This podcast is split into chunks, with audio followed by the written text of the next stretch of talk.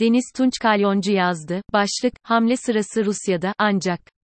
Ukrayna'nın savaşta kendine ait bölgeleri tekrar sınıra katmasından sonra Rusya'nın tavrı ne olacak? Bu tavır, Avrupa'nın uzun kışına nasıl etki edecek?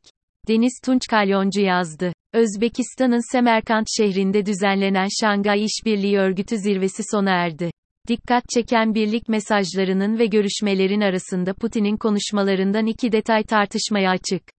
Bunlardan birincisi, Ukrayna konusunda Çin'in sorularına işaret etmesi, ikincisi ise Hindistan'ın endişelerini bildiğini dile getirmesi. Çin ve Hindistan, bu noktada farklı pozisyonlarda duruyorlar ancak Rusya'nın yaptıkları ve yapamadıkları, yakın dostları tarafından da sorgulanıyor.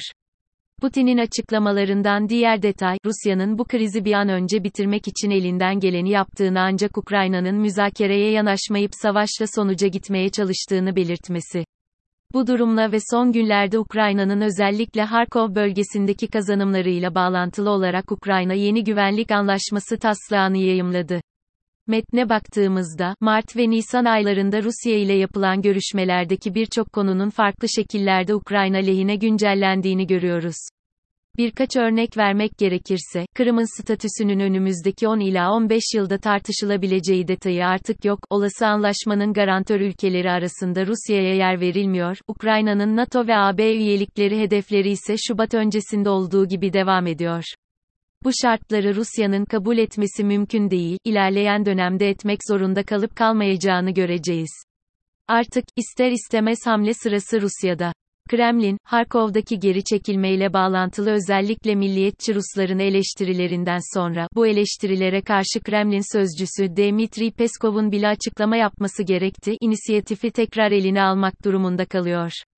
Bu yalnızca Rusya'da soru işaretleri olan kişiler değil, Rusya'nın etki sahasında yer alan ülkeler, müttefikleri açısından da bir takım sonuçlar doğuracak. Son Azerbaycan-Ermenistan ve Tacikistan-Kırgızistan çatışmalarının ana kaynağı Rusya'nın içinde bulunduğu durum olmasa dahi, gelinen noktada zamanlama ve kriz yönetiminin çatlakları açısından etkili olduğunu değerlendirebiliriz. Tek kutuplu dünyanın ölümünü sürekli ilan eden Rusya, çok kutuplu dünyadaki her ülkenin çıkarları doğrultusunda her yerle temas edebilme durumunu ne kadar değerlendirebiliyor ve giymeye çalıştığı ceketi nasıl ve ne şekilde taşıyacak, bu da farklı bir düşünme pratiğini yaratıyor.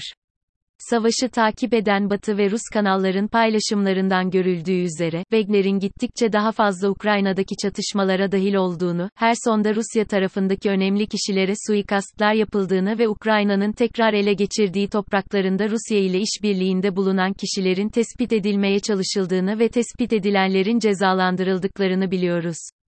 Kendisini özellikle Doğu Ukrayna'da kurtarıcı olarak adlandıran Rusya'nın kurtardığı insanlar üzerindeki bu güvenzedeleyici durum ve imaj, Rusya açısından bir şey yapılmadığı takdirde uzun vadeli etkili olabilecek önemde.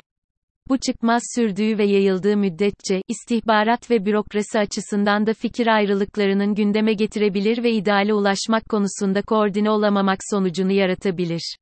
İnanmak, bu savaşta vazgeçilmesi zor bir bütün oluşturuyor.